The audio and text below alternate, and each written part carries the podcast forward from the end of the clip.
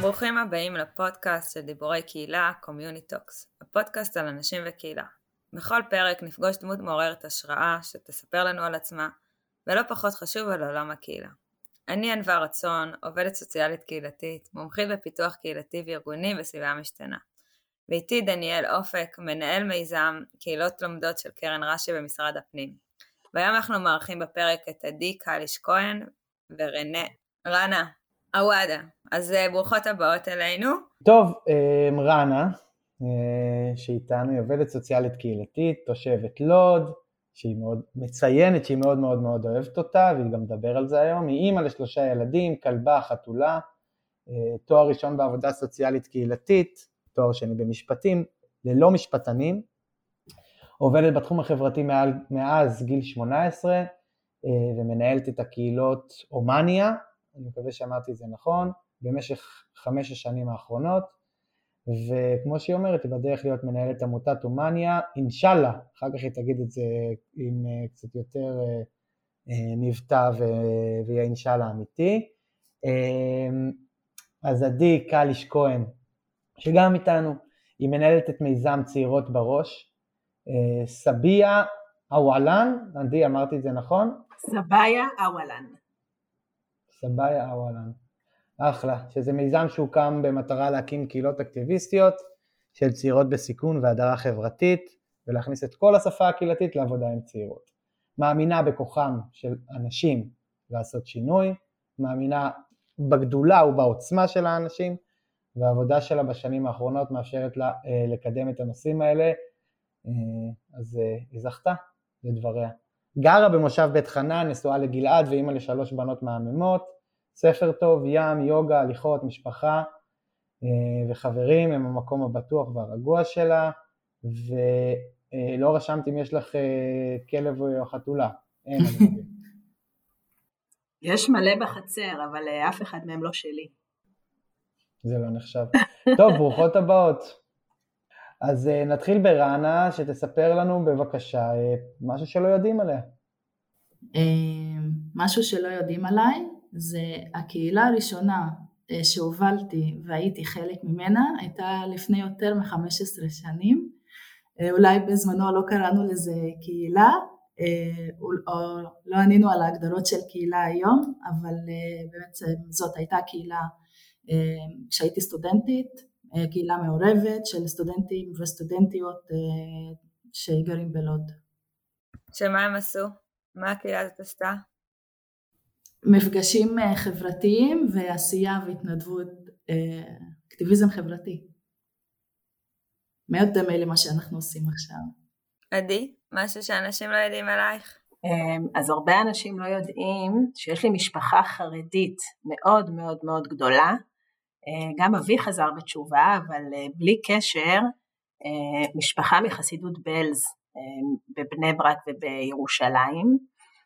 והיום במיזם יש לנו שתי קהילות חרדיות אה, שנקראות חלק ממני בירושלים והרכזת שלהם היא גם חסידת בלז. אה, ונדהמתי דרכה לשמוע על הקהילתיות שיש בחסידות הזאת, על העזרה ההדדית, על סוג של אקטיביזם, שהם לא קוראים לזה כמובן אקטיביזם, אה, ואני חושבת שלקחנו גם הרבה ידע ממנה דרך הקהילתיות שיש בחסידות בלז, וגם היא למדה הרבה מהמודל ובעצם עשתה לזה כמו התאמה לשפה החרדית. אז זה היה מאוד מעניין. ואיך אה, הגעתם לעסוק בעולם הקהילות? רנה, את התחלת קצת אה, להזכיר את ה... בכלליות, לאו דווקא עם הפרויקט, איך הגעת בכלל לעולם הקהילות בגיל 18?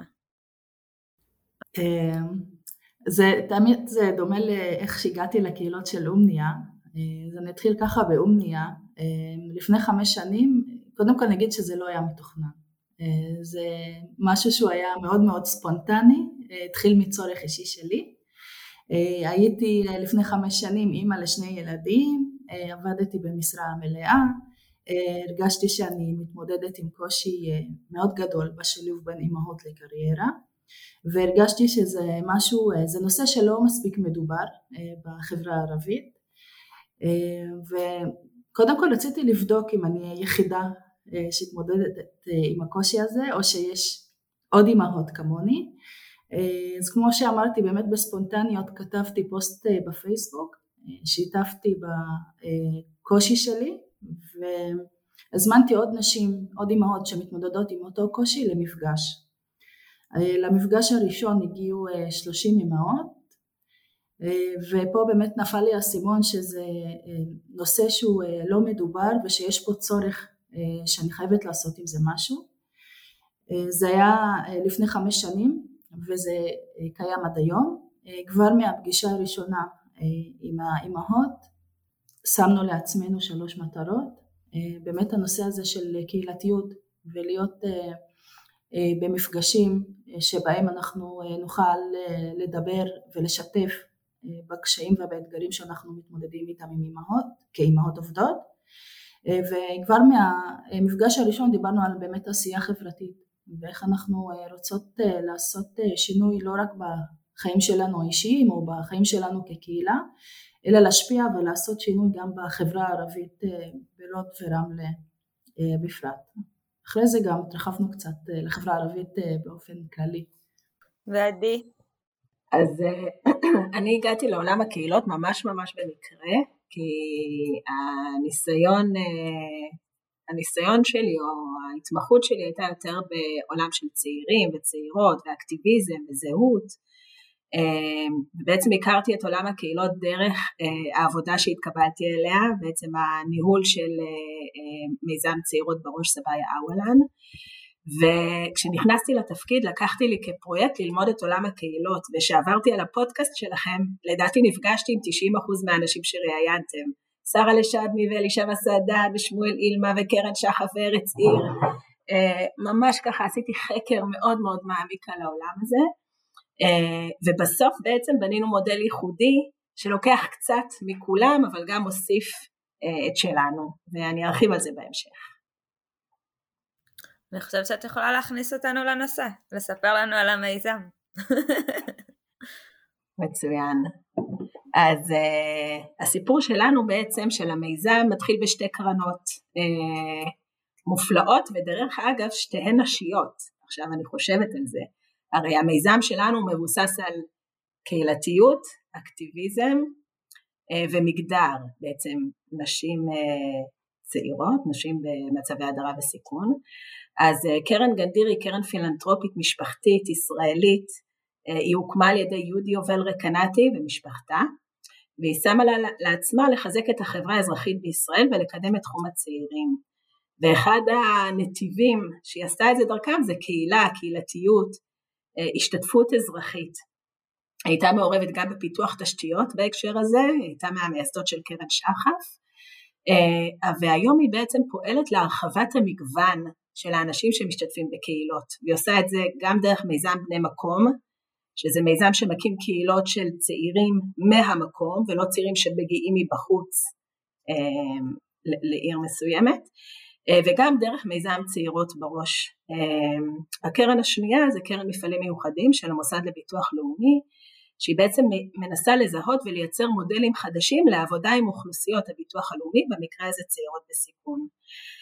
ו- ובעצם המיזם הזה קם כי המנהלות של הקרנות האלה ישבו וחשבו איך זה יכול להיות שיש כזאת דיכוטומיה בחברה הישראלית שהאוכלוסייה המחוזקת אומרים לה לכי תובילי תנהיגי תייצרי שינוי תקימו קהילות תיישבו אה, את הערים וכולי וכולי תדאגו לחינוך וכולי והאוכלוסייה המוחלשת נותנים לה עזרה טיפול הכוונה אה, ובעצם אמרנו לא גם האוכלוסייה המחוזקת צריכה הכוונה אבל גם האוכלוסייה היותר מוחלשת יש לה קול להשמיע ויש לה רצון גם להשמיע אותו אם רק פותחים לה את הדלת ונותנים לה את הכלים והמיומנויות לעשות את הדבר הזה.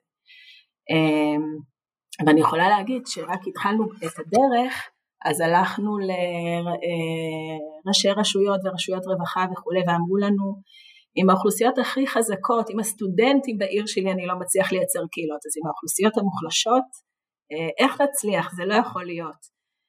והיום ארבע שנים אחרי אנחנו נמצאים במצב שיש לנו 22 קהילות בועטות שמובילות עשרות אם לא מאות מיזמים שחברות בהם מאות צעירות מכל הארץ, מכל המגזרים בחברה הישראלית היהודית, החרדית, הערבית, קהילות עם לוגו, עם קול שנשמע במרחב הציבורי. אני רק אגיד עוד שני דברים של הסוף ואז באמת נצלול, שאני חושבת ששתי הצלחות אה, שאנחנו יכולים לסמן עליהן וי במיזם, זה אחד שבעצם תוכנית יתד, המדינה החליטה לאמץ את המודל הזה ולהכניס את הכלים של קהילתיות ואקטיביזם לעבודה עם צעירות במצבי סיכון והדרה חברתית והדבר השני שבנינו את מודל הפעולה שלנו, יש תדריך שנמצא באתר של קרן גנדיר שכל איש או אשת מקצוע שרוצה להקים קהילה כזאת יכול בעצם להשתמש בזה וללמוד איך לעשות את זה. מדהים. ואני רוצה לשאול אה, שאלה בנושא, כאילו שני אלה, שתי, זה באמת ממש, לדעתי זה מההצלחות הכי גדולות, כי אם דיברנו על קיימות מקודם, ברמה אולי של השטח, שבאמת אה, נשמע את רנה, יש גם את הקיימות של הרמה למעלה, כאילו של משרדי ממשלה שמאמצים תוכנית, אז, אז אני חושבת שזה באמת הצלחה אדירה, אבל אני רוצה לשאול, כי דיברת על הגיוון, ובעצם הרבה פעמים התוכניות שממתגות את האוכלוסייה, זה יכול להיות בריאות הנפש, אה, צעירות וצעירים בסיכון, אה, חברה ערבית, חברה חרדית, בסוף משאירות אותם כקבוצה, כקהילה שפועלת לשינוי של עצמה, אבל בעצם אין השתלבות כל כך גדולה, ואז זה לא, זה גיוון, אבל זה לא באמת גיוון, אם אני מקווה שאני מסבירה את עצמי. ואז השאלה שלי, איך אפשר לקחת אולי אה, את הקבוצה הזאת, את הקהילה שנוצרה מאותה אוכלוסייה ולשלב אה, אותה בחברה בתוך התוכנית. אני רק אגיד לפני שאתם אה, תענו, כי זו שאלה מדהימה בעיניי, שגילוי נאות, אני, יצא לי לעבור על התדריך שאמרת לי, ואני קראתי את זה ואמרתי, אני פשוט לא מאמין שלא עשו את הדבר הזה לפני, ואיזה זה חדשני, כן, לבוא ולהגיד אה, שאוכלוסיות מודרות הם אה, עכשיו אה, חלק אמיתי מהיישוב, הם בעצמם לוקחים אחריות על החיים שלהם, לא, כאילו הרבה פעמים מדברים על זה בכל מיני קלישאות, שהאם לתת את החכה או את הדגים וכאלה, אבל הרבה פעמים אני מרגיש ששמים ים של כסף ושופכים על כל מיני תוכניות כאלה ואחרות שלא לא מעבירות את האחריות בסוף למשתתפות. אני, שמה שאני זיהיתי שם, זה קצת עונה לענווה, אבל אתם תגידו משהו לגבי זה, וגם הרגשתי שעדי לא הדגישה את זה מספיק, אז אני מדגיש את זה, הסיפור של ההשפעה, ועל זה שהם בסופו של דבר, הם לא רק פועלות פנימה לתוך עצמם, אלא גם משפיעות על המרחב בו הם חיות, וזה כל כך אה, מדהים ולראות את זה, ואני ראיתי את זה ממש גם בשטח בתוצאות, אז סתם היה לי חשוב להגיד את זה, וזהו, רנה, עכשיו אני קטעתי אותך, אז אני... אה, רציתי להתייחס לשאלה של ענווה בהקשר של אה, באמת הגיוון שקיים. אני חושבת שאחד הדברים שמאפיינים ומייחדים את התוכנית של צעירות בראש זה אה, המקום של כל קהילה. יש פה מגוון מאוד גדול של קהילות וכל קהילה שומרת על האופי שלה. נגיד אצלנו בחברה הערבית האנשים בשטח, אנחנו כרכזות ומנהלות הקהילות, אה, יודעות הכי טוב מה מתאים לקהילות שלנו אה, וזה משהו שהוא אה, מתייחסים אליו מאוד מאוד ברצינות במיזם של צעירות בראש ואני חושבת שזו אחת הסיבות להצלחה של המיזם. כי באמת קהילה בחברה הערבית שונה מהקהילה בחברה היהודית ושונה מחברה, מהקהילה בחברה החרדית וכשמקשיבים לשטח ומה שעולה בשטח וסומכים על השטח בהובלה זה מה שגורם לקהילות אה, להצליח. ואני רוצה להוסיף על זה שאני אתן לך דוגמה מקהילת חלק ממני של, אה, שדיברתי עליה בתחילת השיחה אה, היה מדובר שם על צעירות שהן היו די לא רצו בכלל לתת להם מקום במינהל הקהילתי כי הם היו הדוגמה הרעה של השכונה ולאט לאט דרך העשייה וההשפעה, כמו שדניאל אמר, והם פתחו שם מרחב לנערות בסיכון, כמו שהן היו, והצליחו לקבץ סביבם, ולאט לאט ההורים בשכונה פתאום ראו שיש פה כוח משמעותי, והתחילו לפנות אליהם לעשות עוד ועוד פעילויות. כלומר, מקהילה שהיא הייתה בקצה של הקצה שאף אחד לא רצה שיראו אותה, היא הפכה להיות קהילה שההורים בשכונה באים אה, ורוצים בקרבתה והעירייה פתאום פונה אליה שתעשה כל מיני פעילויות לנערות וצעירות. אז השילוב הזה, אנחנו רוצים לשלב אותם בתוך השכונה שלהם, בתוך העיר שלהם, והעשייה מייצרת את זה, כי הקול שלהם נשמע במרחב, וזה עוד דבר אה, שבעצם אנחנו הקמנו את הקהילות האלה גם כדי לייצר איזושהי התפתחות אישית לאותן צעירות ולשלב אותן בחברה, אבל גם שהחברה תשמע את הקול שלהם, כי ברגע שרק האוכלוסיות המחוזקות מייצרות פרויקטים וכולי, אז יש קול מאוד חזק בחברה שהוא לא נשמע, והאקטיביזם שהקהילות שלנו עושות הוא לא דומה לאקטיביזם שקהילות מחוזקות עושות. הוא מגיע מחוויות החיים שלהם, מהאתגרים שלהם, מהדברים שככה אה, בוערים בהם.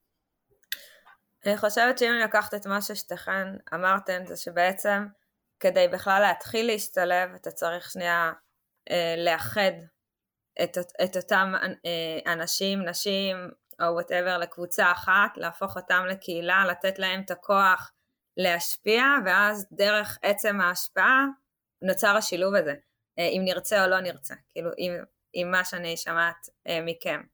ורנה, אני, אה, את, אז את קצת אה, הצגת את עצמך, סיפרת קצת מה את עושה, אז בואי תספרי לנו איך באמת אה, זה התחיל, איך הקהילות הוקמו, איך הגעת לקרן גנדיר.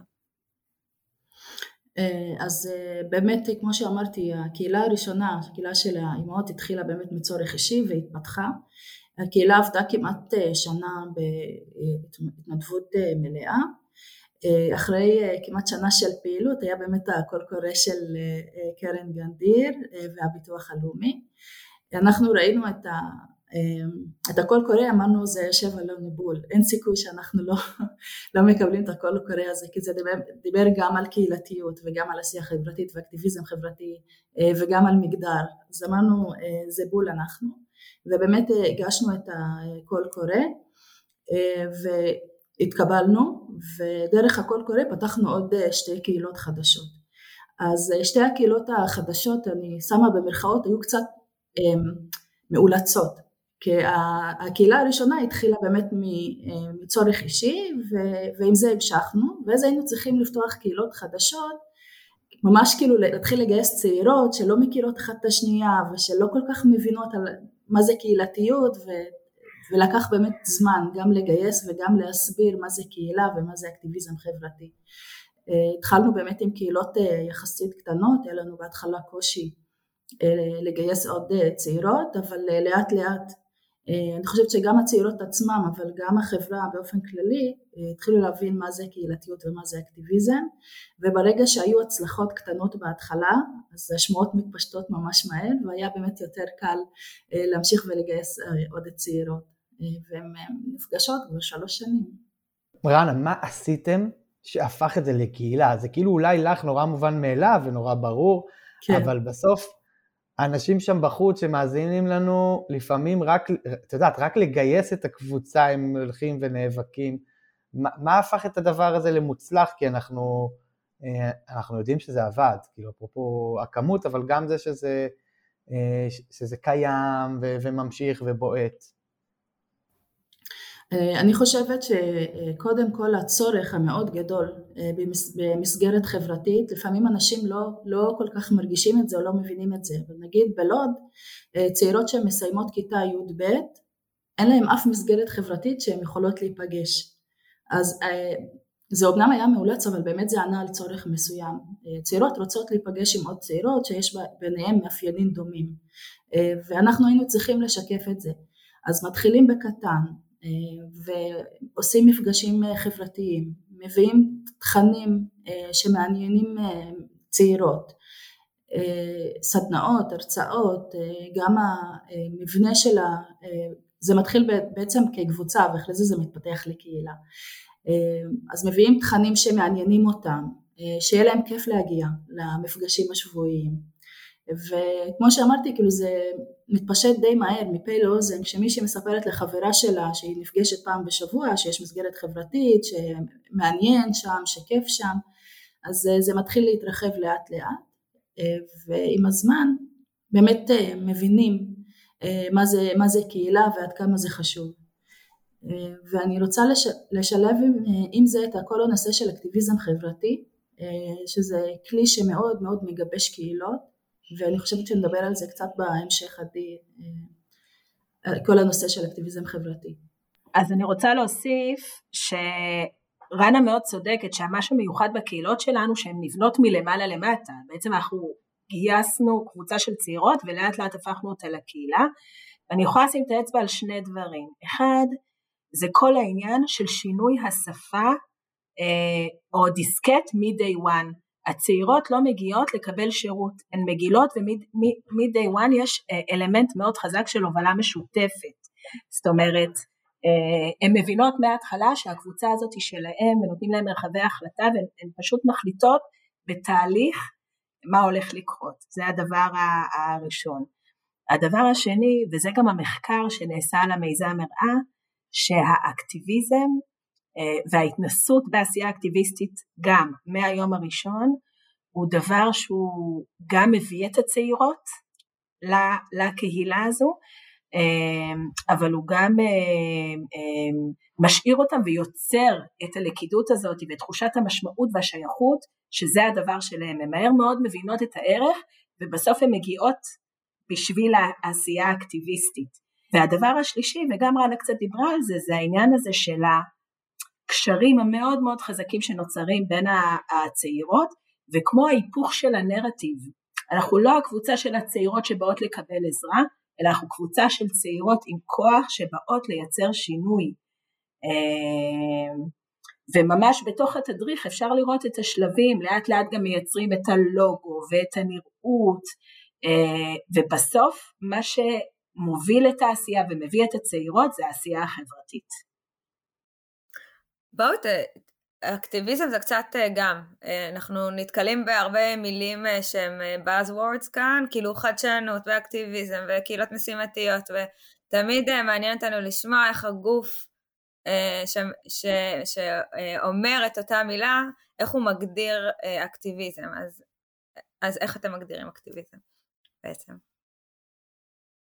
אני אתחיל בלתת דוגמה לאקטיביזם חברתי ואולי עדי אחרי זה תסביר יותר.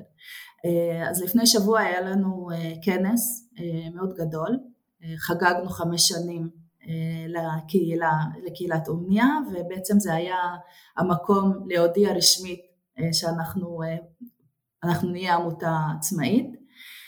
בכנס הזה השתתפו יותר מ-200 נשים וזה היה שיא הגשם, כאילו זה ביום שירד המון המון גשם. אני אפילו התלבטתי אם ברגע האחרון לבטל את הכנס, בגלל באמת הגשם, אמרתי נראה לי אנחנו נהיה היחידות בעולם, הקהילות. ואני הייתי בתקופה שחליתי בקורונה, ממש לפני הכנס, הייתי כמעט עשרה ימים, יותר מעשרה ימים, שבועיים בבית בבידוד. ומי שבעצם הוביל את כל הכנס, ובאמת הכנס היה הצלחה מאוד מאוד גדולה, זה הקהילות עצמם, אנשים בתוך הקהילות. אני כרכזת או כמובילת הקהילה כמעט ולא הייתי בשטח כי הייתי בבידוד והם אלה שהובילו את הכל. אם זה הגיוס של האנשים, מכירת כרטיסים, הסדר של התכנון של הכנס הם עשו את הכל מאפס וזה דוגמה אחת לאקטיביזם חברתי כל הנושא הזה של משילות עצמית שהצעירות הם אלה שקודם כל לוקחות החלטות על מה יהיה, אם זה בכנס, מי האנשים שיגיעו בכנס, מה נעשה בכנס, מה המטרה של הכנס. ואני כרכזת, אני נמצאת מאחורי הקלעים, וכל ההובלה היא בעצם של הצעירות עצמן. אז אני יכולה להוסיף על זה שאנחנו מגדירים אקטיביזם במיזם בעצם דרך ההגדרה של קרן גנדיר שמופיעה במכוון להשתתפות אזרחית לקיחת אחריות והשפעה על איכות החיים בהקשר של ראיית הכלל ובמגוון רחב של דרכי פעולה. זאת אומרת, מבחינתנו אקטיביזם זה איזשהו רצף שהוא מתחיל מחשיבה ביקורתית, מההיכרות עם התפיסות, עם העמדות שלי לגבי נושאים חברתיים, ועד דברים מאוד מאוד גדולים כמו שינוי חקיקה ומדיניות ו- וכולי. וכל מה שקורה באמצע מבחינתנו זה על הרצף של עשייה אקטיביסטית. מבחינתנו כל אדם יכול לפתח את השריר האקטיביסטי שלו וזה משהו שאפשר ללמוד, זה לא משהו שאתה נולד איתו, זה מיומנות שאתה יכול לרכוש. אנחנו עובדים מאוד חזק על ארבע תשתיות אמ, אמ, בשביל לחזק את השריר האקטיביסטי, זה הידע, המיומנויות, הכלים, בשביל להיות אקטיביסט צריך ללמוד איך עושים את זה, אה, איך בונים פרויקט, איך משווקים וכולי וכולי, אתה צריך שיהיה לך תפיסה ועמדות, אה, גם דיברתי על זה קודם, מסוגלות ומוטיבציה. וכל אחת מהתשתיות היא כמו אה, נדבך על נדבך שמייצרים את העשייה האקטיביסטית.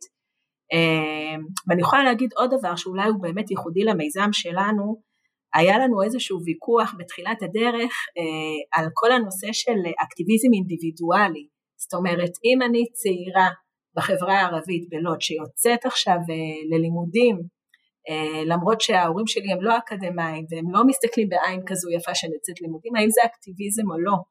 ואחד הדברים שרבנו אה, על זה מלא בוועדת היגוי, כי בעצם אני משפיעה כביכול רק על עצמי, אני מייצרת איזושהי התקדמות עבורי, האם זה אקטיביזם? אה, ואחד הדברים שהמחקר הראה שזה איזשהו כלי עבור הצעירות, בעיקר בחברה הערבית זה עלה, פחות בחברה היהודית, ליצ... למטרה של חברה שוויונית וצודקת יותר. כלומר, ברגע שאני עושה את זה, אני איזשהו מודל ודוגמה ויכולה גם לסחוף אחריי אחרים, וזה דבר שהוא הכרחי כדי בסוף להילחם אה, לחברה שוויונית וצודקת יותר. אז אוקיי, אז האקטיביזם אצלנו במיזם הוא מגיע מהחוויות החיים אה, של הצעירות, אה, מהאתגרים שהם חוו, הוא גם באיזשהו מקום סוג של ריפוי לחוויות החיים שהיו להם, כדי שצעירות אחרות כמוהם לא יחוו את אותם הדברים. אז זה באמת מאוד מאוד מאוד מגוון. חייבת רק לציין שהנושא הזה של אקטיביזם אינדיבידואלי הוא מדבק.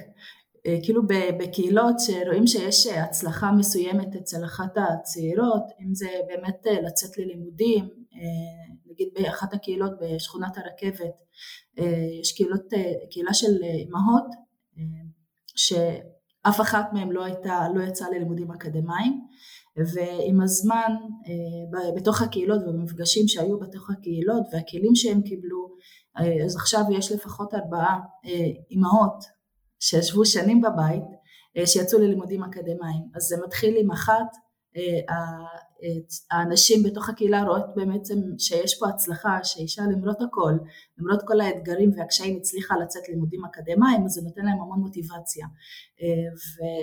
והן לוקחות גם את הצעד הזה. אז אני מסכימה עם עדי שזה סוג שבאמת של אקטיביזם חברתי, כי זה לא משפיע רק על הצעירה או האישה עצמה, זה גם משפיע על המשפחה שלה, על הילדים שלה וגם אפילו על נשים אחרות בתוך הקהילה. אז אם, אה, כי דיברנו בהתחלה שלנסות לפרוט את זה לצעדים למנהל אה, פרויקט המתחיל. אז אה, דיברנו על באמת לאסוף את, ה, את הקבוצה, את האנשים שהיינו רוצים להפוך אותם לקהילת אקטיביסטים, ובעצם לעבור איתם איזשהו תהליך של הגדרה עצמית אולי, ש, שזה מטרת הלוגו ו, והשם והכל, נכון? ומשם? כן, אני חושבת, אה, אפשר גם לראות בתדריך שלנו שבעצם ה, ה, איך, לא, איך להקים קהילה אקטיביסטית כזאת זה מורכב מארבעה שלבים. יש את שלב טרום ההקמה, כל מה שצריך לעשות לפני בכלל שאני אה, מתחילה להיפגש, ויש שם גם כלי על איך מגייסים צעירות לקהילה כזאת דרך האקטיביזם והקהילתיות. זאת אומרת, אה, מה אני אומרת לאותן צעירות כדי שיבינו שהן מגיעות למקום שהן לא היו רגילות אליו, למקום אחר, בו הן צריכות לקחת אחריות. השלב השני זה שלב הביסוס. אני רגע, כמו שרנה אמרה, מבססת את הסטינג, הקהילות שלנו נפגשו פעם בשבוע, בהתחלה לפחות, אה, אה, חלקן עד היום, אבל ההתחלה צריכה להיות יותר אינטנסיבית, נפגשו פעם בשבוע, במקום נעים, אה, שהשפה היא שפה של אתן מחליטות ואתן לוקחות בעלות על הדבר הזה, ושפה של חשיבה ביקורתית מגדרית, שיח על נושאים חברתיים, אבל באמת השלב הביסוס הוא מתרכז מאוד מאוד מאוד ביצירת הקשרים הפנימיים, ההגדרה העצמית, השינוי של הנרטיב, שאנחנו קבוצה שיש לה מה לתת לעולם. השלב השלישי הוא שלב המיסוד, זאת אומרת ברגע שכבר יש לי קבוצה שהיא ממוסדת, שהיא מגיעה וכולי, אני מתחילה אה, אה, אה, להעמיק בכל הנושא של אקטיביזם חברתי, כבר ביססתי את העמדות שלי, את התפיסות שלי, מה מעניין אותי, התנסיתי בכמה אה, פעילויות אקטיביסטיות, אנחנו קוראים לזה אקטיביזם במנות קטנות, ואז בשלב המיסוד אה, ממש בוחרים סוג של אה, מטרה, מה המטרה שאני רוצה, איפה אני רוצה לייצר שינוי בעולם, האקטיביזם הוא יותר מתפקס אה, גם בדרכי הפעולה וגם בנושא, יצירת שותפויות, כלומר יותר מהקשרים פנימה יוצאים לקשרים החוצה, משמיעים את הקול שלנו בצורה יותר חזקה וכולי, והשלב האחרון זה שלב הנסיקה, זאת אומרת יש לנו את הקבוצה, יש לנו את הקשרים, יש לנו את הפעילות האקטיביסטית, בשלב הנסיקה בעצם ההצלחה של זה שאם הרכזת עכשיו עוזבת, הקהילה הזאת היא לא מתפרקת.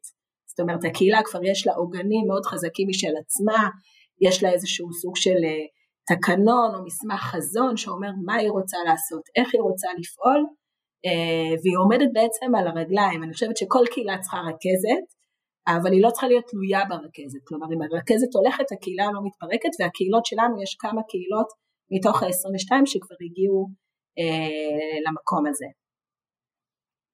ובאמת בתדריך אתם תוכלו לראות כל שלב כזה מורכב מעשרה תתי סעיפים עם כלים, עם מתודות, עם מערכי מפגש, זה באמת קשה נורא להסביר על רגל אחת, אבל אה, יש שם ממש את כל החומרים. אנחנו נצרף את התדריך הזה, אה, כי בעיניי הוא, אמרתי את זה מקודם, אני אגיד את זה שוב פעם, הוא ממש עושה סדר, כמו שעדי ממש עשתה את זה כרגע, לאיך אה, להפוך אה, קבוצה, בטח מלמעלה למטה, כמו שאדרי אמרה מקודם, לסוג של קהילה. ועכשיו אני רוצה לשאול את רנה בהקשר הזה, כי זה נורא מעניין אותי ואני תמיד מדבר על זה בפודקאסט. מה לדעתך הפך את הקבוצה של האנשים הללו לקהילה? מה, מה זה הדבר הזה? אני חושבת שהדבר הראשון זה בעצם הדברים המשותפים שקיימים בין הצעירות אה, עצמם.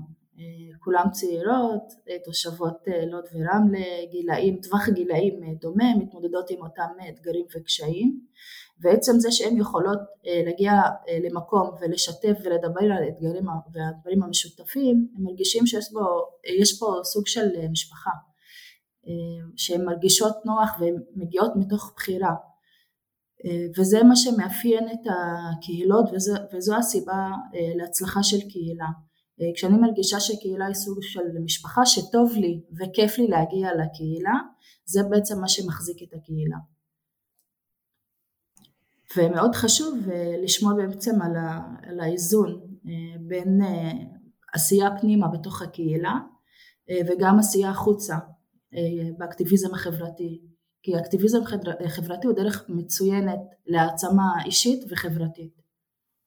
בהמשך למה שרנה אמרה, הקהילות שלנו מתחלקות לשניים, קהילות שבמיזם, קהילות שהמוטיבציה העיקרית שלהם זה באמת המשפחה, הדבר הזה שעולה, ש, שהקשרים המאוד מאוד חזקים והערבות הדדית שנוצרה, יש לנו קהילות שהמרכז שלהם זה עשייה אקטיביסטית, שמה שמעניין אותם זה ללכת ולעשות ולהשמיע את הקול שלהם, אבל בסוף אי אפשר את זה בלי זה. זאת אומרת גם קהילות שהמטרה העיקרית זה האקטיביזם, אם לא הייתה שם את הקהילה שהיא גם משפחה זה לא היה קורה.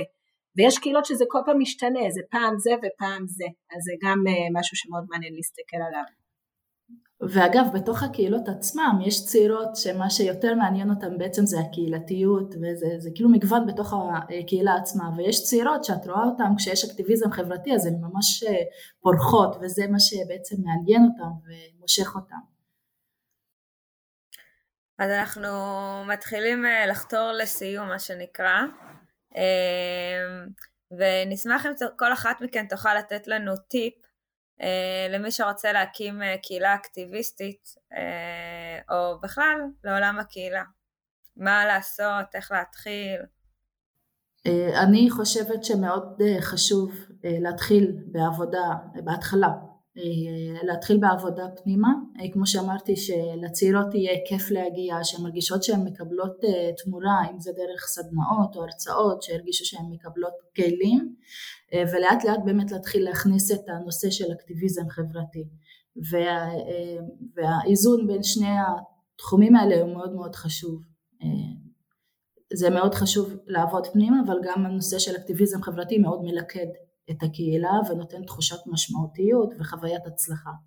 הטיפ שאני יכולה אה, לתת אה, למי שרוצה להקים קהילה כזו של מלמעלה למטה, שהיא בעצם מאפשרת מגוון, כי קהילות שמתחילות מלמטה, סביר להניח שכרגע זה יהיה אוכלוסייה יותר מחוזקת. אז גם אה, הייתי רוצה שיותר מנהלי קהילות יקימו קהילות גם אה, מלמעלה שיכניסו צעירים אה, מאוכלוסיות מגוונות ואני חושבת שטיפ נוסף זה העניין של הנרטיב והנראות במרחב, זאת אומרת זה משהו שהוא לא היה לי במודעות לפני שנכנסתי לנהל את המיזם, אני רואה כמה חשוב הנראות ברשתות החברתיות, לייצר את הלוגו, את הפרסומים ולייצר נרטיב של סטטוס וכוח לקהילה, זה נראה לי טיפ חשוב. אני רוצה לחזק את מה שעדי אמרה לגבי המיתוג. אצלנו בקהילה באמת אה, אומניה נהייתה מותג, כאילו הצעירות מרגישות אה, גאווה להיות חלק מזה. אה, מספרות על זה כל הזמן, אנשים מכירים, נשים בעיר מכירות את הקהילה, מכירות את השם של אומניה וזה יוצר תחושה של גאווה בקרב הצעירות. אמ, אני נותן טיפ למאזינים, תבואו כמו רנה ועדי, מחזקות אחת את השנייה כל הזמן. אה, יפה, היה כיף לראות את זה. אה, אני אגיד על זה איזושהי אולי מילה שלי, שבעצם אני חושב, דיברתם קצת על, בבינוי קהילה זה נקרא חבורת משימה או צוות משימה, שמדבר על יחסים ומשימה ביחד, ורק כשקורים שתי הדברים באיזשהו איזון, שהוא נכון בכל קבוצה יותר או פחות, אז בעצם נוצרת קהילה. וזה מדהים לראות שזה אשכרה קורה בפועל, בפועל ועובד, כי הרבה פעמים, נגיד, אני מדבר על זה לא מעט, הסיפור של היחסים מוזנח, בעיקר בהתחלה, מה שרנה אמרה כל כך כל כך נכון, ו- ולעבוד אה, לקבוצה פנימה וישר הולכים למשימות, ואז מפספסים, או שהרבה פעמים אנחנו עסוקים, כמו בכל מיני סדנאות כאלה ואחרות, הרבה פעמים בפנימה, ולא יוצאים לאקטיביזם או למשימתיות, אז זה היה יפה. אה, עדי תתחיל הפעם ותספר לנו איך היא רואה את אה, עולם הקהילה בעוד עשר שנים מהיום. אז אה, בכנס האחרון שעשינו במיזם צעירות בראש, סבאיה אוולן, באוגוסט האחרון, אז עמדה אחת הצעירות מקהילת אלמות משנות עולמות בירושלים ואמרה, החלום שלי זה לראות המון המון המון נקודות על פני הגלובוס של קהילות של נשים צעירות במצבי סיכון והדרה, שמשמיעות את הקול שלהם ויוצרות שינוי בנושאים שחשובים להם. אז uh, אני אתחבר לזה ואני uh, רוצה לראות יותר ויותר קהילות של uh, אוכלוסיות uh, מגוונות uh, ויש 17 רכז, רכזות במיזם שלי שהן נשות מקצוע מדהימות uh, שבעצם בנו את הידע הזה ויכולות להעביר אותו הלאה uh, ואתם מוזמנים לפנות אלינו כמובן מי שרוצה קצת להיחשף ולהעמיק בזה. אני חושבת שבדומה למה שעדי אמרה, שעוד עשר שנים התחום הזה של קהילות אה, יהיה מוטמע בעבודה החברתית ויהיה חלק בלתי נפרד, אה, ילמדו אותו באוניברסיטאות, בעבודה סוציאלית ובמקצועות אחרים. אה, זה, זה מודל שצריך ללמוד אותו וליישם אותו בכל הארץ, וכמה שיותר קהילות יהיה הרבה יותר טוב. וגם לייצר פלטפורמות תקציביות להובלה של הקהילות האלה, אה, יותר משמעותיות. היית צריכה להגיד, עדי, אני מחזקת את רנה ול... זה goes without saying. אה, יופי. אז אה, וואו, מדהים, מרגיש שהיו פה המון המון המון המון טיפים וכל מיני דברים קטנים לאיך לעשות את זה. אמ, אז להגיד לכם תודה, להגיד תודה למאזינים שלנו. אמ, אנחנו כמובן, נעלה פרק נוסף בשבוע הבא ונשמח שתאזינו אליו. אה, אם יש לכם איזשהו בקשות, מענות, דברים שאתם רוצים אה, לדבר איתנו עליהם, אתם מוזמנים. יש לנו ערוץ טלגרם שנקרא דיבורי קהילה, ואפילו יש שם אה, אפשרות לדיון ו- וקצת להעלות דברים שעלו ולשאול, ובקיצור, לשתף כזה, אפרופו קצת המקום הזה של רשתות חברתיות. ערוץ יוטיוב שאנחנו מעלים את הפרקים שלנו והכל נמצא שם. זהו, ת- ת- תמשיכו לשמור על קשר. ענווה? תודה רבה לכם, זה היה מרתק וכוח נשי זה תמיד אה, משהו שכיף אה, לשבת, להאזין וללמוד. אז אה, תודה. תודה רבה לכם. ביי ביי. תודה על תודה ההזדמנות. לכם.